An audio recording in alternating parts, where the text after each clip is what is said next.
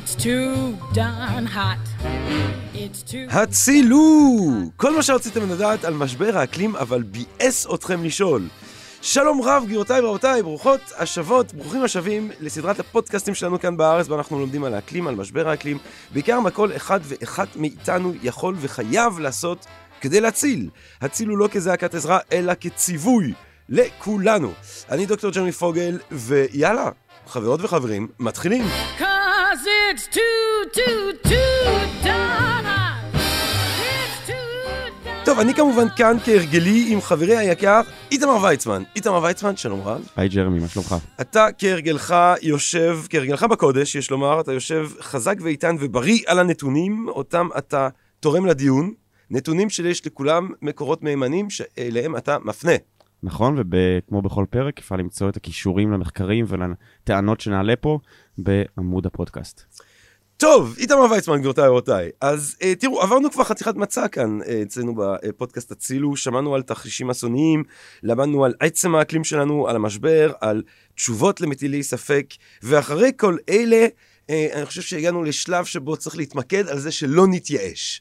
אנחנו צריכים לחשוב על פעולה, אה, ומתוך הפעולה אולי אה, תצמח איזושהי אופטימיות. ולקראת הפרק הזה היום, חשבתי על אחת מהתובנות הכבירות בחשיבותם בהיסטוריה של המחשבות של הפילוסוף הגרמני הגדול במאה ה-19, הגל. והגל חשב שכדאי תמיד לחשוב את הבן אדם בתוך ההקשר ההיסטורי, חברתי, תרבותי הרחב שלו. אה, זה מוטעה לחשוב את האינדיבידואל כסוג של אה, משהו מופשט שאיכשהו עדיין מתקיים אה, כיחיד. צריך לנסות לחשוב בעיות גדולות בתוך ההקשר ההיסטורי שלהם, בתוך ההקשר הרחב שלהם, כי רק מתוך חשיבה כזאת אולי יהיה אפשר לחשוב על איך למשל אנחנו יוצאים מהבעיות הענקיות ש... אף לא אינדיבידואל אחד לא הוביל אליהם, אבל עצם השיטה, עצם ההקשר התרבותי רחב, הרחב, הכלכלי, חברתי, תרבותי רחב, הוביל אליהם. כדי לנסות לחשוב על איך אנחנו חושבים על עשייה ועל אופטימיות בתוך הקשרים רחבים שכאלה, לא היינו יכולים אה, באמת לקוות לאורח אה, יותר אה, נשגב ועילאי מהזה שמכבד אותנו בנוכחותו כאן היום, דב חנין, גבירותיי ורבותיי. אה, ודב חנין עומד בראש פורום האקלים הישראלי שהקים נשיא המדינה הרצוג אה, לא מזמן. כמובן חבר כנסת לשעבר, יותר משני עשורים אה, מוביל מאבקים רבים בתחום האקלים. דוקטור, למדעי המדינה ועשה פוסט דוקטורט אה, סביב שאלות שנוגעות בקשר אה, חברה, קהילה, אקלים באוניברסיטת אוקספורד. הוא שימש כיו"ר ארגון הגג של ארגוני הסביבה, ניהל את התוכנית לצדק סביבתי בפקולטה למשפטים באוניברסיטת תל אביב, פרסם מאמרים וספרים בנושא, בהם למשל על הכלכלה, חברה וסביבה ביחד עם פרופסור אריה ארנון. אולי אבל אני חושב שבעיקר דב חנין מייצג להרבה ישראלים את האפשרות לשמור על תקווה ואופטימיות באמת. אה, ויותר מכך, הייתי אומר שהוא מזכיר את שפינוזה. אה, ואני חושב שאתה מזכיר את שפינוזה כי גם מי שמאוד לא הסכים עם דעותיו הרדיקליות, לא פיקפק בטוהר מידותיו ובכוונותיו של שפינוזה. אה, ועל כן אנחנו מאוד שמחים שאתה כאן איתנו. דב חנין, שלום רב. שלום, שלום לשניכם. וואו, כאלה מחמאות, אני חושב שבקטע הזה אני צריך לפרוש, כי לדעתי מכאן זה רק ילך וידרדר. טוב, אבל בוא תדרדר אותנו באמת לניסיון להבין, אה, בהינתן המשבר האקלימי אה, אה, אה, אה, שהמדענים מדברים עליו, מה עלינו לעשות. אז בוא נתקוף ישר בווריד הצוואר, אה, ואני רוצה שנדבר היום על המצוי ועל הרצוי, ואני רוצה להתחיל עם המצוי. איך השיטה והמצב הכלכלי-חברתי-תרבותי הרחב הזה אה, שלנו, הגייסט, הציידגייסט שלנו, אה, הוביל אה, למשבר הזה בעיניך?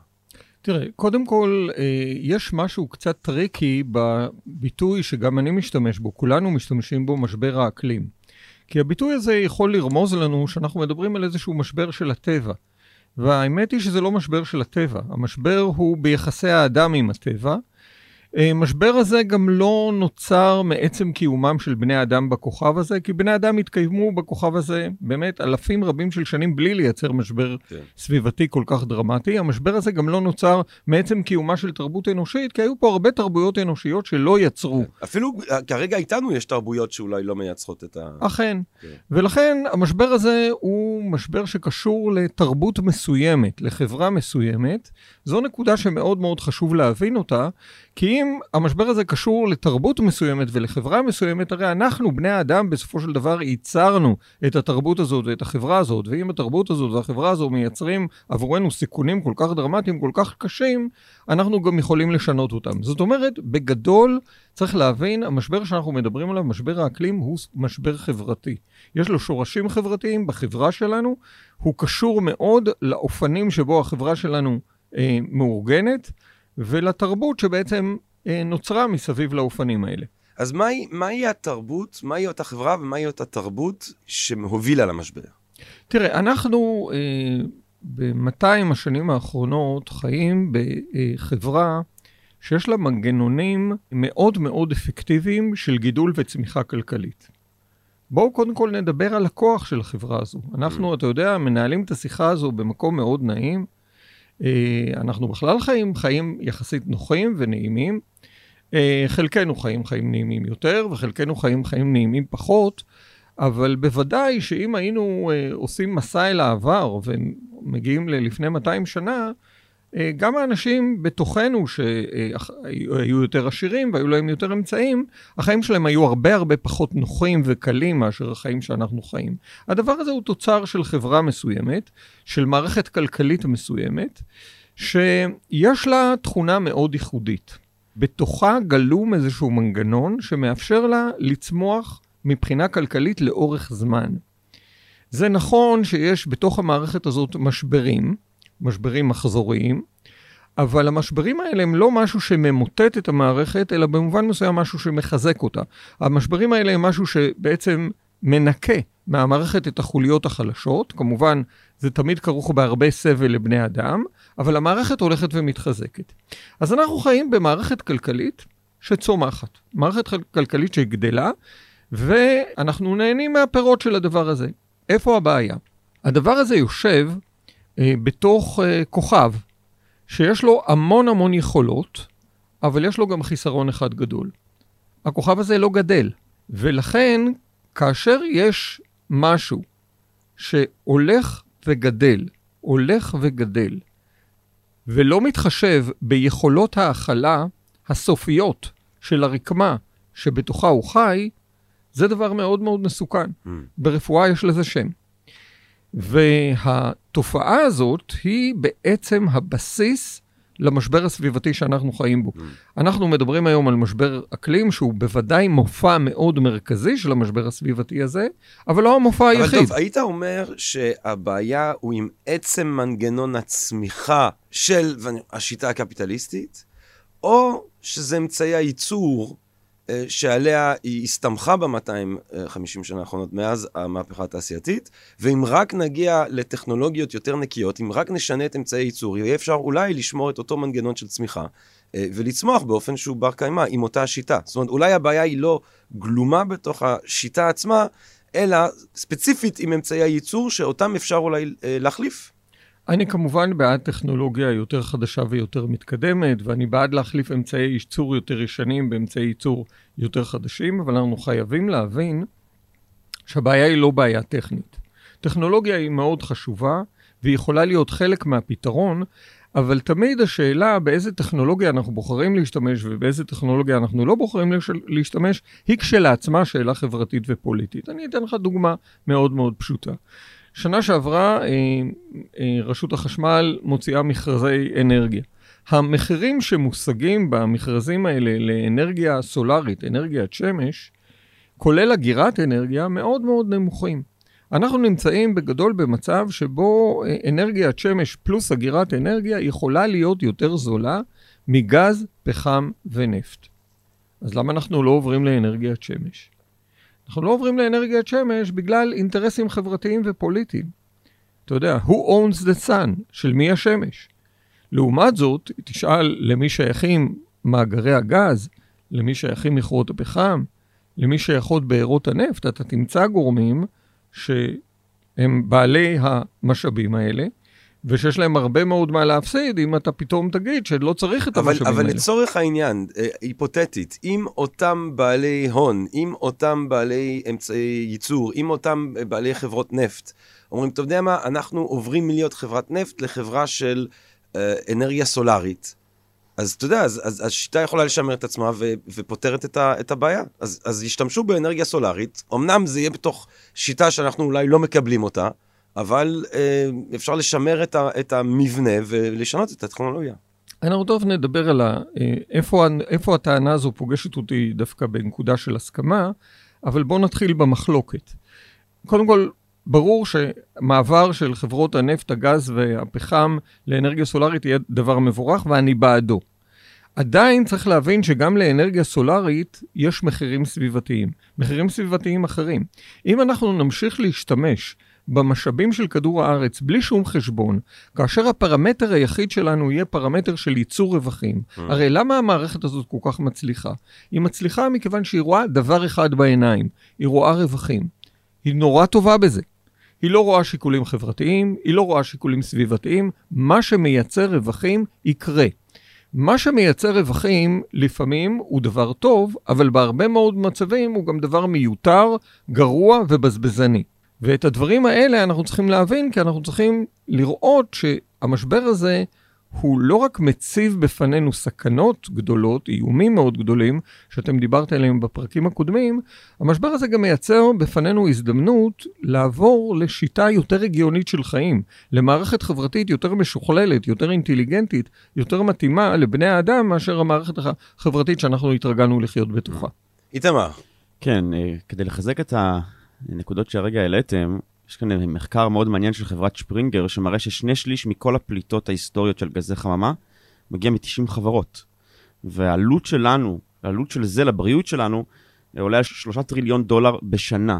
ובעיקר מי שנושא במחיר הזה זה מדינות אה, הדרום הגלובלי, ולצד המחקר הזה אנחנו רואים גם שחברות אה, ביטוח שוויצרית ענקית מראה שמשבר האקלים הולך למחוק אה, 23 טריליון דולר מהכלכלה עד שנת 2050, וזה יהיה גם מחיר שמדינות אה, הדרום הגלובלי אה, ישלמו. בהמשך להערה הזו של איתמר, ובהמשך לתשובה שלי לשאלה שלך קודם, אני חושב שמאוד מאוד חשוב שאנחנו ננהל את הדיון שלנו לא על מצבים היפותטיים תיאורטיים בעתיד.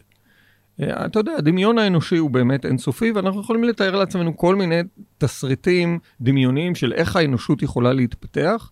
אני בוודאי לא יודע לתאר את כל האופציות, אבל אני כן רוצה אה, להחזיר אותנו לקרקע המציאות של המערכת החברתית-כלכלית הספציפית שאנחנו נמצאים בתוכה, ולהבין שהמערכת החברתית-כלכלית הזאת כרגע היא הבעיה. האם המערכת הזאת תדע לבצע איזושהי אבולוציה ולצאת באיזושהי מין אה, לולאת אודיני כזאת למקום אחר?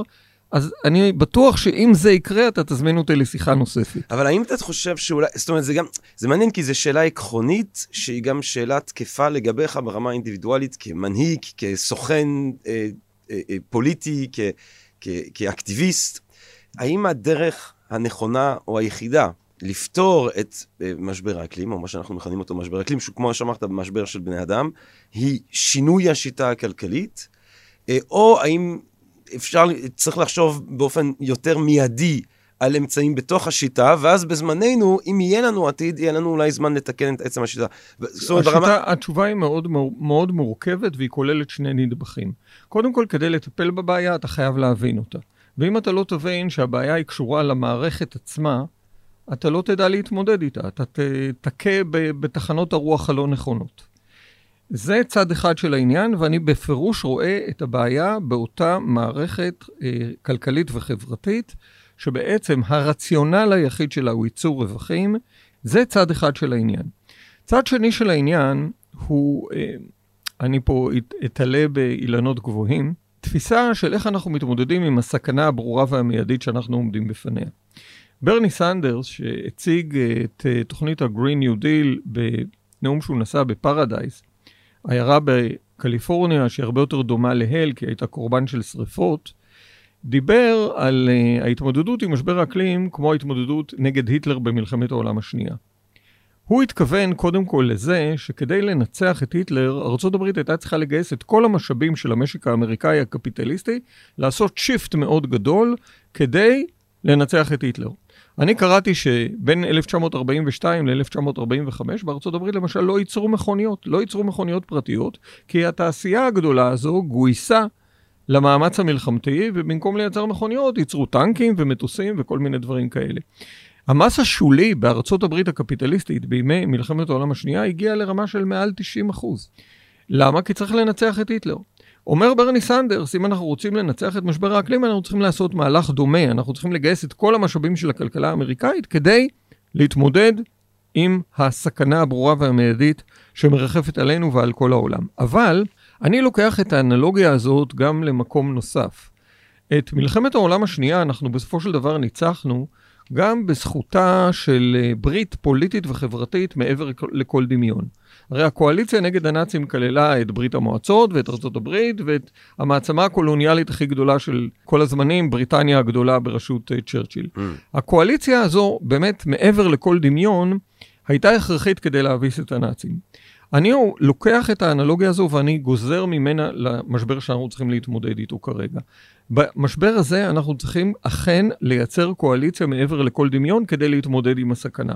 כשמייצרים קואליציה כזאת, זה לא קואליציה שבאה במקום ניתוח של הבעיה ובמקום כלים שיודעים להתמודד עם הבעיה, אבל זו קואליציה שמבינה שאנחנו כרגע מתמקדים בהיבט אחד ספציפי של הבעיה, ולא בכל הממדים שלה. תראה, אבל דוב, אני רוצה לשאול אותך את אותה שאלה אולי ברמה יותר אה, אינדיבידואלית אפילו. זה שאתה אה, עכשיו כאקטיביסט אקלים עומד בראש הפורום האקלים הישראלי, אז מן הסתם אולי חלק מהמורכבות שאתה תצטרך להתמודד איתו כעומד בראש הפורום, זה אנשים יזהו אותך עם צד פוליטי מאוד מסוים, וזה אולי יקשה על שינויים שאפשר אני, לעשות אני, אם אני, אנחנו... אני כופר בטענה הזאת. Oh. תראה, אני הייתי אה, יותר מ-12 שנה חבר כנסת.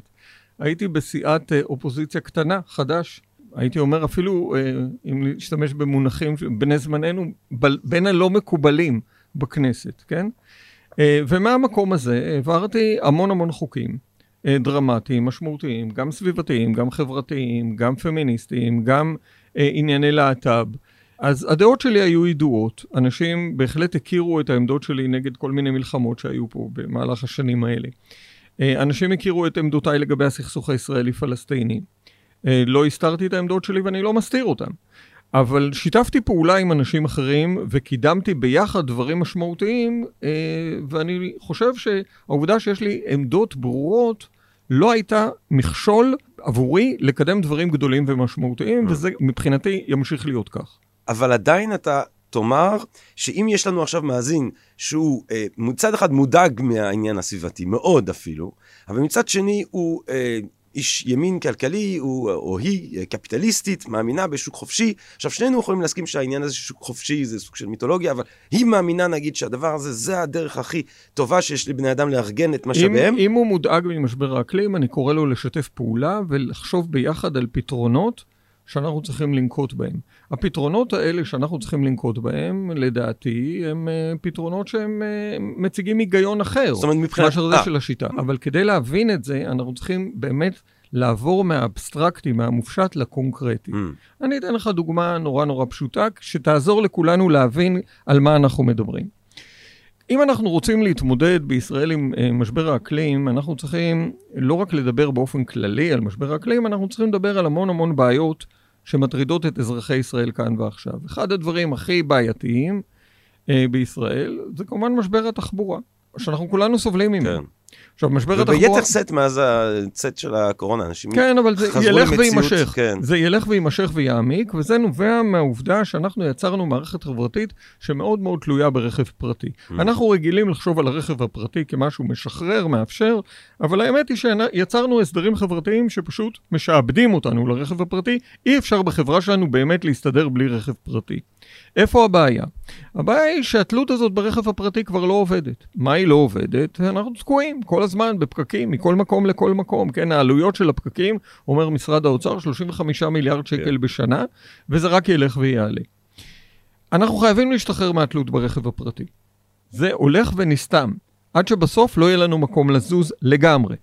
איך משחררים את עצמנו מהתלות ברכב הפרטי? אז אני עושה איתך מסע קצר אחורה בזמן, לשנת 2008 התמודדתי על ראשות עיריית תל אביב, והצגתי לתושבי תל אביב, הצגנו, זו הייתה תנועה בשם עיר לכולנו, הצגנו לתושבי תל אביב את האתגר הגדול ואת המחיר הגדול שכולם משלמים על התלות שלהם ברכב הפרטי, גם פקקים, גם זיהום אוויר, וגם בתל אביב מאוד מוכרות בעיות החנייה.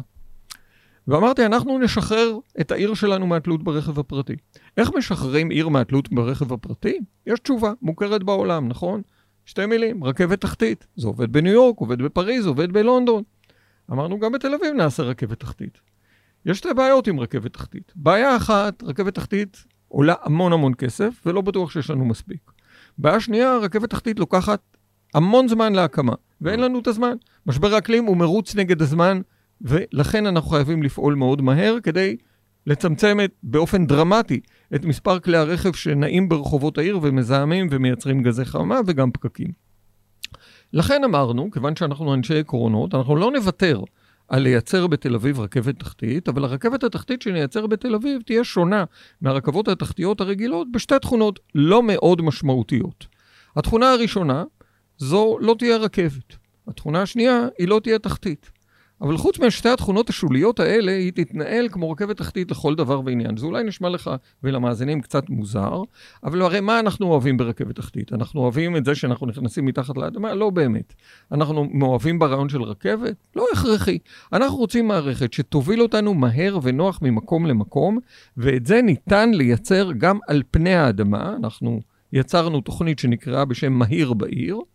שמבוססת על קווי אוטובוסים מהירים שמקבלים את הכביש לשימוש של, שלהם, אה, מתואמים עם הרמזורים, ואתה יכול להגיע מיפו לאוניברסיטת תל אביב בזמן קצר, נוח, מהיר. אגב, אוטובוסים כאלה יכולים להיות גם חשמליים, שזה בכלל טוב. אתה יכול לייצר מערכת כזאת בזמן מאוד קצר ולהעמיד אותה במקום, גם נקייה, גם יעילה וגם מאפשרת לנו להגיע מהר ונוח ממקום למקום, מה שאנחנו רוצים. אבל מה הטריק פה? ברור. הטריק הוא לקחת את המשאב הציבורי שנקרא כביש ולתת אותו לשימוש הציבורי שנקרא אוטובוס. וזה לא בגלל אה, שכל כך הרבה אה, מתושבי תל אביב החליטו לקרוא לעצמם סוציאליסטים או ירוקים, אלא בגלל שהרבה מתושבי תל אביב הבינו שזו הדרך היחידה כן. לפתור את הבעיה שאין לה פתרון אחר. הפתרונות החברתיים הם פתרונות שיכולים להיות טובים יותר. ולכן, בסופו של דבר, כדי לייצר את ההתמודדות עם משבר אקלים, אנחנו צריכים מערכת כזאת של פתרונות. Mm. עכשיו, אם יצטרפו אליי אנשים שהם נשבעים בכל בוקר על uh, התנ"ך הקפיטליסטי, כן. לא יודע מהו, איין ראנד נניח. מצידי בסדר גמור, אני לא מתעניין בפסיכואנליזה של לא, האנשים. לא, אבל אתה כן חושב אני... שצריך להיות שינוי בעמדה שלהם כדי שיהיו חלק אני, מסוג אני, הפתרונות שאתה אני מציע. רוצה שהם, אני לא, לא מתעניין בעמדות שלהם, אני מתעניין בפרקטיקה. אם הם מוכנים לתמוך בפתרונות שאנחנו מדברים עליהם, ואלה הם הפתרונות שאני חושב שהם הפתרונות הריאליים, האפשריים, להתמודדות עם משבר האקלים, אני מקבל אותם בברכה. אז בוא נדבר באמת על הפתרונות האלה.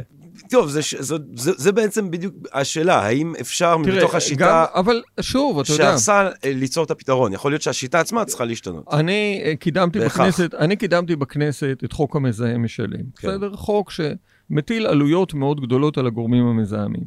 אני קידמתי בכנסת את חוק אוויר נקי, כן? עשר שנים לחוק אוויר נקי. Uh, הממשלה עשתה מחקר וגילתה שחוק אוויר נקי, עלויות הציות לו בעשר שנים היו 38 מיליארד שקל. 3.8 מיליארד שקל בשנה. המון עלויות ציות לתעשיות המזהמות שהיו צריכות לשנות את המנגנונים שלהם. Mm. אגב, הצד השני של המחקר הזה זה שהחברה הישראלית הרוויחה באותם עשר שנים 115 מיליארד שקל בזכות חוק אוויר נקי. זאת אומרת, על כל שקל שהושקע בהפחתת זיהום אוויר, הרווחנו שלושה. איך הרווחנו? הפחתת תחלואה, הפחתת תמותה. אני כמובן לא כל כך אוהב את החשבון הזה, כי כשבן אדם לא חולה ולא מת, זה לא רק ימי העבודה כן, שהרווחנו, זה עוד ערך, כמה דברים יש יותר... יש ערך נוסף. ערך נוסף שכדאי לזכור אותו, אתה יודע, אולי בשוליים. פה ושם. אבל בחוק אוויר נקי שיתפו איתי פעולה חברי כנסת שהשקפת העולם שלהם היא קפיטליסטית. בחוק המזהם משלם, בסופו של דבר הצביעו בעד החוק הזה אנשים שמאוד מאוד אוהבים את מנגנוני השוק. אז בוא נחשוב על הפתרונות הרחבים יותר טוב. בואו באמת אז נחשוב מה הם ברמה היותר אוניברסלית אנושית, שזוהי בעצם הדרגה שאותה הקואליציה יוצאת הדופן אה, צריכה לקום. אם תקום, בעזרת השם ובעזרת בני אדם אולי בעיקר, אה, תקום קואליציה ענקית כזאת, רחבה, גלובלית, כדי להתמודד עם הסיטואציה הזאת. מהם סוג המהלכים אה, ברמה העולמית שאנחנו צריכים אה, לקוות שיקחו, או לגרום? תראה, בואו בוא נתחיל קודם כל בזה שאנחנו חייבים להשתחרר מהמחשבה שהכלכלה שלנו צריכה להיות מאורגנת רק מסביב לרעיון של יצירת רווח לגורמים פרטיים כאלה או אחרים. אני חושב שמזה אנחנו תיאורטית צריכים להשתחרר. אנחנו צריכים להבין שהתפיסה הכלכלית-חברתית שלנו צריכה להיות תפיסה שהיא גם כלכלית, גם חברתית וגם סביבתית. בגדול, אתה יודע, מילת המפתח, שהיא המילה שאני אתעכב עליה קצת, היא כמובן המילה קיימות. Mm. מה זה קיימות? קיימות זה לחשוב על מודל כלכלי-חברתי שבו אנחנו מייצרים את מה שהסביבה שלנו מאפשרת לייצר, ומחלקים בעינינו בצורה הוגנת את מה שאנחנו מייצרים. זה הרעיון של הקיימות. עכשיו, האם הרעיון של הקיימות אומר שאנחנו נוותר על החיים הטובים, שנחזור לחיות במערות, או שנגור על העצים? לא. הרעיון של הקיימות הוא בסופו של דבר רעיון של קדמה אחרת. כן. נכון יכול להיות שאנחנו- ויתור מסוים על חלק מה- אה, נכון. מההגזמות אולי של לגמרי. סגנון החיים יש, שלנו. לא, יש המון המון דברים. אנחנו מוצפים במוצרים שאנחנו לא צריכים אותם. כן. אנחנו לא צריכים לייצר כל כך הרבה מוצרים. אנחנו צריכים לייצר איכות חיים יותר משמעותית, אבל אולי. הרבה הרבה פחות מבחינת כמות המוצרים שאנחנו מייצרים ואנחנו משתמשים בהם. כדי להסביר את הרעיון הזה, אני רוצה להיעזר בחשיבה של uh, כלכלן uh, מאוד ידוע, הנה הזדמנות להציג אותו גם למאזינים שלנו, אמרתיה סן, חתן פרס נובל לכלכלה, הוא הודי, עובד באוניברסיטת קמברידג' בבריטניה. ואמרתיה סן הוא לא איש סביבה, הוא לא איש קיימות, הוא לא סוציאליסט. אמרתיה סן הוא חוקר כלכלי, שמנסה לשאול את השאלה איך אני יכול להעריך איכות חיים של חברה. אז תשאל אותי, מה, מה החוכמה הגדולה להעריך איכות חיים של חברה? נורא פשוט, כן, אתה יכול למדוד את זה באמצעות התמ"ג לנפש. תוצר כן. כן. מקומי גולמי, חלקי מספר הנפשות.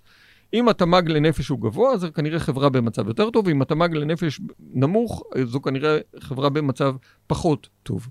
אומר אמרתיה סן, השאלה הזו של התמ"ג לנפש, או המדד הזה של התמ"ג לנפש, הוא מדד מוטעה. כי המדד הזה ממקד את תשומת ליבנו במוצרים, ולא שואל את השאלה מה המוצרים האלה עושים או לא עושים לבני האדם בחיים שלהם. Mm. מה אמרתיה סן מציע לנו לחשוב עליו?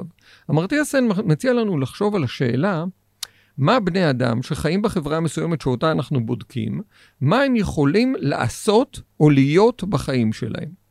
איך עונים על שאלה כזאת? מה בני אדם יכולים לעשות או להיות בחיים שלהם? ניתן לך כמה, דוגמה לכמה פרמטרים. פרמטר ראשון, בריאות. כן, אנחנו רואים מה עיקר הבריאות. אם בני אדם למשל אה, מתים בגיל צעיר, הם לא יכולים לעשות שום דבר בחיים שלהם. לכן תמותת תינוקות זה מדד מאוד חשוב. אבל בכלל, איך נראית מערכת הבריאות? האם יש מערכת בריאות, או אם אתה חולה אתה תמות? כי אף אחד לא יטפל בך. אולי יש מערכת בריאות, אבל היא מערכת דו-קומתית. בקומה הראשונה אתה מקבל ממש את השירותים הבסיסיים, כן. אבל אם הסתבכת באיזושהי מחלה רצינית, כדאי שיהיה לך כסף לעלות לקומה השנייה. כן.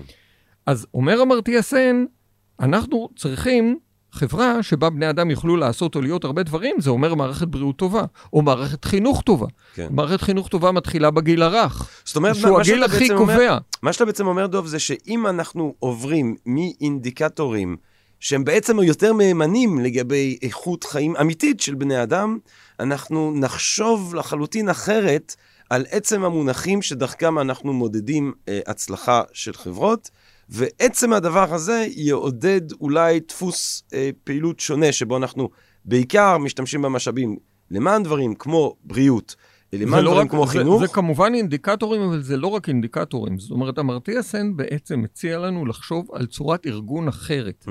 של הכלכלה בדיוק. ושל החברה.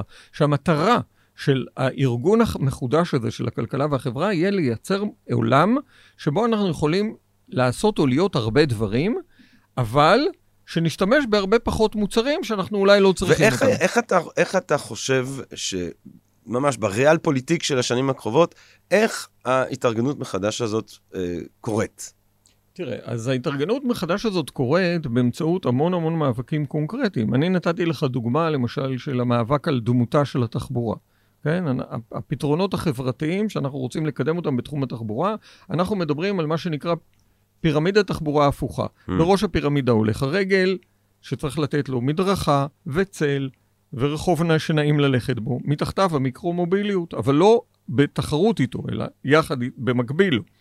והבסיס של הפירמידה לא זה כמובן... מלחמת ה- החורמה בין הרוכבי הקורקינט והולכי הרגל בתל אביב. בדיוק, זה כן. הופכת להיות מלחמה על ממש. החיים ולמוות.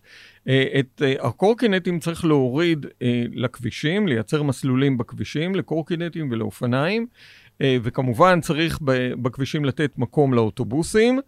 והרכב הפרטי צריך להיות בשוליים, במקום שנותרים שוליים. יש הרבה מקומות שאין בהם שוליים, ולכן אין בהם מקום לרכב פרטי. זה השינוי, למשל, שצריך לקרות בתחום התחבורה. זאת אומרת, בתחום- אז, אז רק שאני אבין אותך, אתה חושב שהשינוי הגדול, השיטתי, לא נובע מאיזושהי אה, מהפכה שנוגעת בלב הדבר, אלא מפלתורה כזה, ממגוון רחב של מאבקים קונקרטיים, שביחד הולכים בסופו של דבר לשינוי שהוא יותר מערכתי. ככה קורות מהפכות בהיסטוריה. ואני חושב שגם המהפכה הזאת, המהפ... מהפכת הקיימות, אם תרצה, היא מהפכה שתכלול הרבה מרכיבים. היא תכלול מרכיבים של פרקטיקות בשטח, היא תכלול מרכיבים אה, של אה, אופן ניהול הייצור והחלוקה בחברה, והיא תכ... תכלול גם הרבה מהפכות של שינויי שלטון. איתמר. ברמה העירונית וברמה המדינתית. איתמר, בבקשה.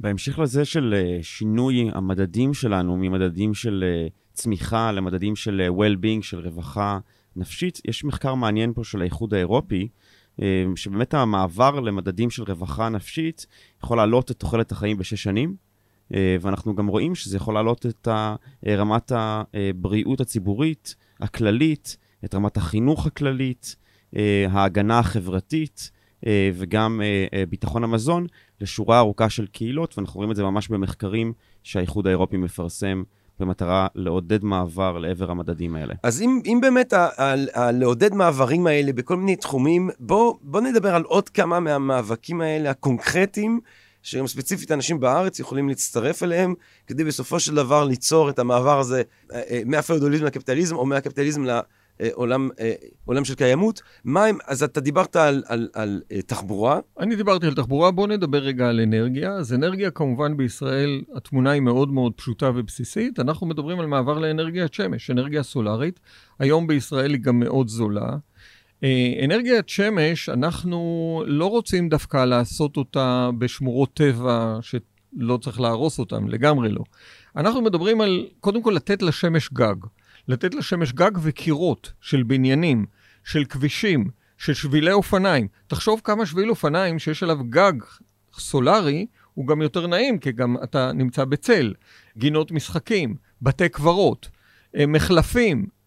אנחנו יכולים לייצר קירוי של אנרגיה סולארית לשטחים מבונים בישראל בהיקפים מאוד מאוד גדולים, ולייצר אנרגיה שיש לה המון יתרונות. קודם כל, כמובן, פחות זיהום, פחות גזי חממה, בוודאי, אבל גם אנרגיה שהיא יותר דמוקרטית, כי היא לא נמצאת אצל איזשהו טייקון אחד גדול, אלא היא מפוזרת בהמון המון בתים של המון המון אנשים. אנרגיה שהיא גם יותר בטוחה, אפילו מהבחינה הביטחונית היא יותר בטוחה, כי ישראל היום תלויה בכמה בארות אה, גז שנמצאות בים, וזה במציאות הביטחונית של ישראל זה לא דבר בטוח. אנרגיית שמש מבוזרת הרבה הרבה יותר נכונה למדינה כמו ישראל, גם והיא מהבחינות יכולה האלה. לספק לנו את מלוא האנרגיה שאנחנו זקוקים אליה כדי לחוות אה, ביטחון ברציפות של ה... יש פה שני דברים שצריך להביא, להגיד בהקשר הזה. יש קודם כל מחקר מאוד גדול של אנזו, קבוצת אה, חוקרים, אה, כללה גם אנשים מהאקדמיה וגם מהחברה האזרחית וגם משרדי ממשלה, שאומרת שישראל יכולה להגיע ל-95% אנרגיה סולארית ולהתבסס על זה, אבל צריך גם לומר דבר נוסף. זה בהנחה שישראל היא אי אנרגטי. גם את ההנחה הזאת צריך לשים בסימן שאלה. ישראל למשל מספקת מים לירדן, וזה מצוין, כי ירדן נמצאת במשבר מים מאוד קשה. אבל ישראל יכולה לקבל גם אה, אנרגיה מירדן. המדבר הירדני הוא מקום נהדר לאנרגיה סולארית. זאת אומרת, החשיבה הסביבתית האמיתית מאתגרת גם את הגיאופוליטיקה ואת האסטרטגיה הביטחונית-מדינית שמדינת ישראל מת, מתנהלת איתה לאורך הרבה שנים. הכוונה היא לא, אתה יודע, הדיבור הזה של לשים את הסכסוך ב, באיזושהי מגירה ולסגור, כי זה לא יקרה לעולם, אלא להפך. להתמודד עם הסכסוך, למצוא לו פתרונות הוגנים כדי לאפשר לכולנו להתמודד עם האתגר הגדול של משבר אקלים, דוגמה בתחום האנרגיה. איתמר, בפרק הבא, עם דורית בנט אה, מאילת אילות, אנחנו נדבר לעומק על אה, תוכנית האנרגיה של אה, NZO, אה, אנזו, אה, ונלמד באמת כיצד ישראל יכולה לעבור ל-95% אנרגיות מתחדשות עד סוף העשור. אז דיברנו, דיברנו על אה, תחבורה, דיברנו על אנרגיה, אולי עוד מאבק קונקרטי שהוא... חקלאות. Mm. תראה, הממשלה היום בישראל רוצה לעודד יבוא. אבל מה שאנחנו צריכים זה דווקא לעודד את חקלאות הצומח בישראל. קודם כל, בעולם של משברים, כל מקום צריך גם לדאוג לעצמו. אנחנו לא יכולים להיות בטוחים שיאפשרו לנו יבוא מתי שנרצה. אנחנו צריכים לייצר בישראל חקלאות צומח שתיתן לאזרחי ישראל גם ביטחון תזונתי, וגם תאפשר לנו למשל לרכוש ירקות ופירות בזול. זה אפשרי. אבל כדי שחקלאות כזאת תתקיים, צריך הרבה תמיכה וגיבוי ממשלתי. Mm. אי אפשר להשאיר את החקלאים לחסדי הדינמיקה המאוד מאוד תזזיתית של השוק. אנחנו צריכים לייצר להם ביטחון, וכדי שהם ייצרו לנו ביטחון בירקות ופירות בהיקפים גדולים ובמחירים זולים. אתן עוד דוגמה אחת נורא משמעותית, הכלכלה. בוא תחשוב על המנגנונים הכלכליים הכי בסיסיים, מנגנון של השקעות. אתה יודע במקרה לאן הולכים כספי הפנסיה שלך, או קרן ההשתלמות שלך? אני, ספציפית, אני חייב לומר שאני לא יודע. אני מניח, אתה, אני, אתה אני מייצג את גם, אזרחי ישראל. אני מניח שאני מעדיף גם לא לדעת. אתה מייצג את רוב אזרחי ישראל, שא' כן. הם לא יודעים, וגם אם הם היו רוצים לדעת, הם לא היו יכולים לנתב את כספי הפנסיה שלהם לנתיב ירוק. משרד האוצר לא מאפשר את זה. משרד האוצר מאפשר לקופ... לקופות הפנסיה להתנהל לפי רמות סיכון, אבל הוא לא מאפשר לקופות הפנסיה להתנהל לפי סוג ההשקעה. אבל בואו נקבל החלטה מערכתית, שאנחנו מפסיקים לסבסד בכספי הפנסיות וקרנות ההשתלמות שלנו את הדברים המזהמים. בואו נעביר את הכספים האלה לפתרונות סביבתיים ולא לקטסטרופות סביבתיות. השקעות. עוד נקודה אחת בתחום הכלכלי, מיסוי. אנחנו חיים במערכת שבה אנחנו ממסים פעילות מועילה. עבודה היא פעילות מועילה, אנחנו מטילים עליה מיסים.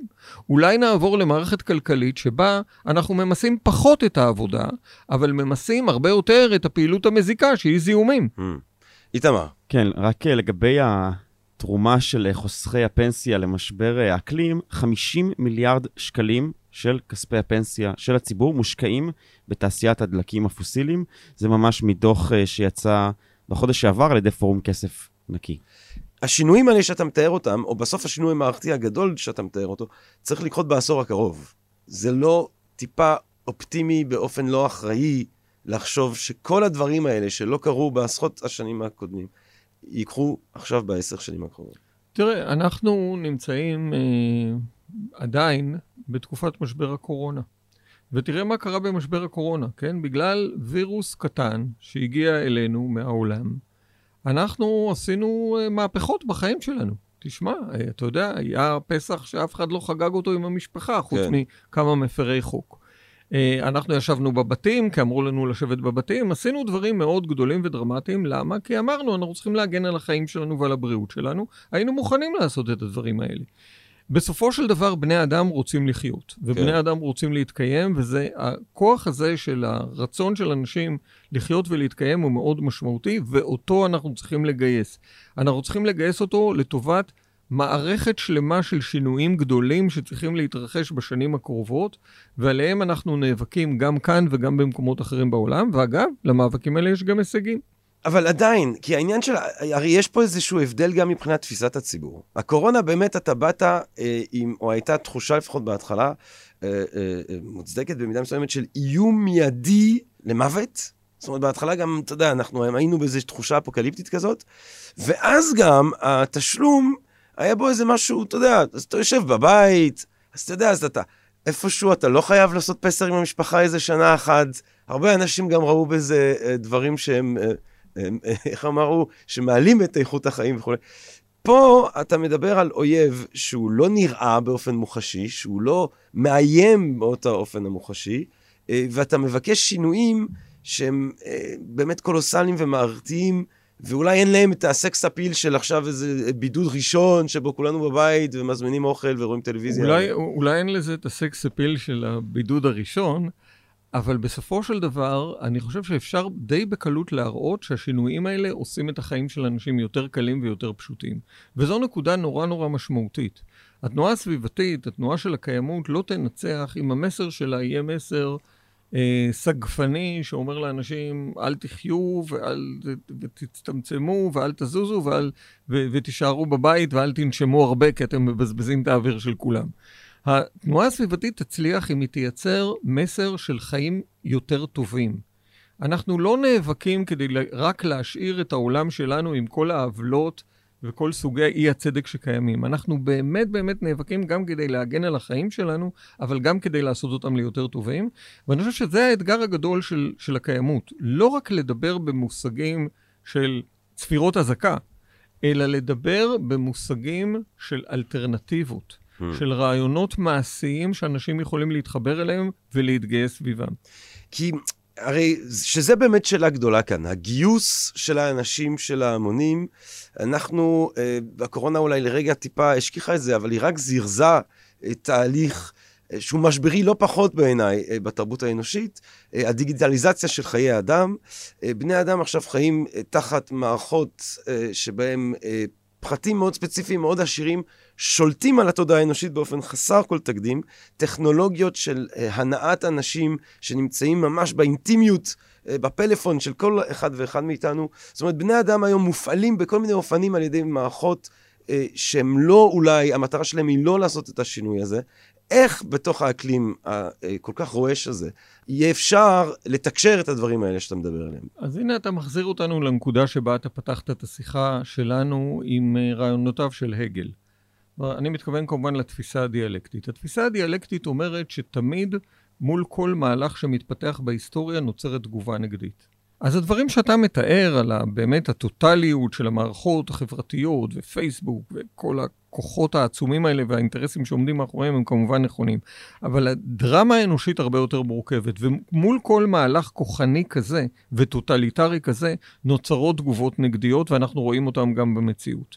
אז אמרו שבתקופה הזאת של הדיגיטליזציה אנחנו כולנו נהפוך, נהפך לאטומים, אבל אתה רואה בדיוק את ההפך. אתה רואה שאנשים מחפשים קשרים חברתיים ומחפשים את המרחב האנושי, הפיזי, להתחבר, כי מה לעשות, אנחנו לא יצורים דיגיטליים. ואתה יכול לראות תופעות מדאיגות וקשות, אבל אתה יכול לראות גם תנועות נגדיות מאוד מאוד גדולות. הרי תראה, תסתכל אפילו במאבק שאנחנו מדברים עליו. איך קרה שאירופה הסופר קפיטליסטית, כן, עם פרלמנט אירופי שיש בו רוב שמרני, מאמצת את תוכנית ה-European Green Deal עם הפחתות של 55% בפליטות גזי החממה עד 2030. איך זה קרה? זה קרה בזכות תנועה מדהימה של בעיקר בני נוער וצעירים, גרטה טומברג היא כמובן הדמות המפורסמת ביותר, שפשוט הכריחה את הפוליטיקאים האלה לעשות את מה שהם לא רצו לעשות. היא הכריחה אותם לעשות את זה. הייתה פה תנועה מדהימה של בני נוער וצעירים שפשוט הסתכלו על הנתונים ואמרו, אנחנו לא רוצים לחיות כך. עכשיו, אותם כלים של דיכוי שאתה מתאר, הדיגיטליזציה והרשתות החברתיות וכל הדברים האלה, גם שימשו את תנועת הנגד. כן. הם לא שימשו רק את הדיכוי ואת הדיסאינפורמציה. אז אתה, אתה חושב שיש אופנים ויש מחשבה שמותאמת לתקופה הזאת ולזמן הזה, שתאפשר את הגיוס ההמוני הזה שנדרש? זה גם קורה, זה לא אני חושב, זה אני רואה את זה במציאות. אני רואה את תנועת המחאה האדירה שנוצרה בשנתיים שלוש האחרונות סביב האקלים, אירופה כמובן דוגמה קלאסית, ארה"ב בוודאי, זה חלק משמעותי מהניצחון של ביידן על טראמפ, ואני רואה את ההתחלה של זה גם בארץ. אבל איך, איך, איך, איך בארץ, איך אנחנו מצליחים ליצור שיח שמתעלה מעל הביפורקציות האלה המובנות, אה, אם זה אה, זהותיות, חרדי, חילוני, אה, ערבי, אשכנזי, מזרחי, ואם גם פוליטיות, ימין, שמאל, הרי אנחנו צריכים קואליציה שכוללת את כל הקבוצות האלה, שכוללת את כל הקולות האלה. איך אנחנו מייצרים בארץ, עם הכיתוב הפוליטי המטורף שקורה כאן, שיח, ואיך אתה בעצם, כעומד בראש אה, פורום האקלים הישראלי, מטעם המוסד הממלכתי הזה, הנשיאות, איך אתה ואיך אנחנו יוצרים שיח שמצליח להיות מועיל באווירה הזאת. תראה, אני אה, אתמול הייתי בסבב של ראיונות בתחנות הרדיו החרדיות. ואתה יודע, שם אה, פחות מועיל לדבר על הגל ועל הפילוסופיה הדיאלקטית שלו, אבל אתה יכול לדבר על רעיונות שמגיעים מתוך המסורת היהודית והם אה, מכוונים בדיוק לערכים שאנחנו מדברים עליהם. אנחנו נמצאים למשל עכשיו בתחילתה של אה, שנת שמיטה. מה זה שנת שמיטה? שנת שמיטה זה בעצם רעיון סביבתי אקולוגי מאוד מרחיק לכת. הוא אומר, האדם הוא לא, לא יכול להתנהג כאילו שאין גבולות. האדם צריך להתחשב בטבע, האדם צריך לתת לאדמה לנוח, האדם צריך לתת לאדמה לנשום, כדי שהאדמה תיתן לאדם את מה שהוא צריך, את היבול החקלאי.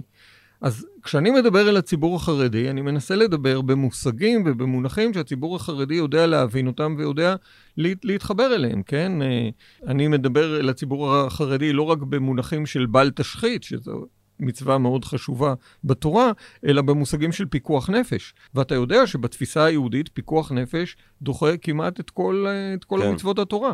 אז אתה יודע מה, כדי שנסחב ככה לסיום עם, ה, עם חדוות העשייה הזאת שלך ועם האמונה שלך באפשרות לשינוי ובעצם באדם, מה אתה הולך לעשות ולנסות ליזום אה, כאן ועכשיו כדי אה, ליצור את השינוי המיוחל? תראה, אז בשנה הקרובה אני מתכוון uh, לעבוד מאוד קשה ביוזמה של נשיא המדינה, כן, פורום האקלים הישראלי. הנשיא הרצוג דיבר על משבר האקלים כבר בנאום ההשבעה שלו, אמר אני מתכוון לעסוק בזה. עכשיו, מה נשיא בישראל יכול לעשות? הוא הרי לא נשיא ארצות הברית. נשיא יכול לייצר פורום שבו מקבלי ההחלטות ברמה הכי בכירה, שרים, אה, ראשי ועדות בכנסת, נפגשים עם האנשים שנמצאים בחזית החשיבה וחזית העשייה גם בהבנת הבעיה של משבר האקלים או הבעיות של משבר האקלים וגם בהצעת פתרונות למשבר האקלים ולנסות לייצר מתוך המפגש הזה פתרונות יותר טובים, יותר אינטליגנטיים למציאות שבה אנחנו נמצאים. אז אני מתכוון להשקיע הרבה בתהליך הזה. אני כבר אה, דיברתי ומדבר עם אנשים ממקומות שונים בתוך המערכת הפוליטית שלנו. כמו שאמרתי לך... ויש היענות? ובינתיים יש היענות טובה, ואני מקווה שהיא תימשך. תראה, בסופו של דבר, זה שוב תהליך של דיאלוג. אנחנו, לצערי, לא יכולים לקבל בעצמנו את כל ההחלטות, הייתי שמח אם כן, אבל יש כנסת ויש ממשלה ויש בתי משפט. אבל בסופו של דבר, הדיאלוג הזה יכול לעזור גם לגורמים האחרים להבין שצריך לעשות פה שינוי גדול, והזמן לעשות אותו הוא עכשיו. וכשאתה מסיים את uh, ימי העבודה העמוסים שלך, דוב, והחבר דוב uh, חוזר, uh, חוזר הביתה, והוא חושב קצת אולי יותר רחוק על המצב האנושי הכללי אליו נקלענו. מה מידת האופטימיות שלך? אני, א', אני מודאג. אני חושב שאנחנו במצב דרמטי ובמצב מסוכן, אבל uh, קודם כל אני חושב, אתה יודע, אני אוהב לשחות בים בבוקר. Mm. ואנחנו עדיין בעונה שנעים לשחות בים. זהו, החדשות הטובות זה שהעונה עלולה, ל... כן, עלולה להימשך יותר. כן, כן. אבל גם לפעמים אתה נתקל בים בזרמים, mm. שסוחבים אותך למקום שאתה לא רוצה, ובדיוק כשאתה נתקל בזרמים, או כשאתה נתקל בגל, זה הזמן לא להפסיק לשחות, אלא לשחות בצורה יותר טובה ויותר אפקטיבית, וזה מה שאני מציע גם למאזינים שלנו. אנחנו בפני אתגרים, אבל בואו לא נפסיק לשחות. אתה שואל אותי, האם אנחנו נצליח להתמודד עם האתגר הגדול הזה של משבר האקלים? אני חושב שיש סיכוי טוב שכן. למה? כי בני אדם רוצים לחיות, בני אדם יש להם המון יצירתיות והמון אנרגיה. אה, בני אדם יכולים לייצר גם מערכות חברתיות יותר אינטליגנטיות ממה שאנחנו חיים בהן. אנחנו לא הגענו לפסגת היצירה האנושית בחברה המוזרה הזאת והפרדוקסלית הזו שבתוכה אנחנו חיים. אנחנו בהחלט יכולים לייצר משהו יותר טוב, אבל האמת היא שאני גם מכיר את האינטרסים ואת הכוחות המאוד מאוד חזקים שנמצאים בצד השני ומפריעים לנו. ולכן אני לא בטוח שנצליח. אבל כמה שווה לתת fight? שווה. אה, דב חנין, גבירותיי ורבותיי, תודה רבה רבה לך על אה, המחשבה ועל הרוח ועל העשייה אה, הבלתי נלאית הזאת, והתקווה שראוי וחשוב שיהיה לכולנו אה, כדי להתחיל את היום, אה, וכדי להתחיל את היום אולי בצורה שיש בו גם אלמנט קונסטרוקטיבי, שבו אנחנו לא מדחיקים. את הבעיות האלה, אז עכשיו כל אחד מאיתנו מצטרף למאבקים הקונקרטיים שאליהם הוא יכול לתרום. תודה רבה לך, איתמר. ותודה לך, ג'רמי. אה, כן, תודה לי, ג'רמי, ואם כבר אנחנו בתודות, תודה לעורך מחלקת הפודקאסט של הארץ, אסף פרידמן, למפיק אמיר פקטור, ותודה רבה לעורכת הסאונד שלנו היום, מאיה בן ניסן. אנחנו היינו אצילו, אנחנו ממשיכים עכשיו עם עוד כמה פרקים שבו נחשוב על עוד פתרונות ועוד מחשבות, על איך כל אחד מאיתנו יכול להתערם אה, למען עשייה אה, חיובית בנושא הזה, ובינתיים, מה אני אגיד לכם? אה, רק טוב, רק בריאות, אה, רק אהבה רבה, ונשתמע. It's too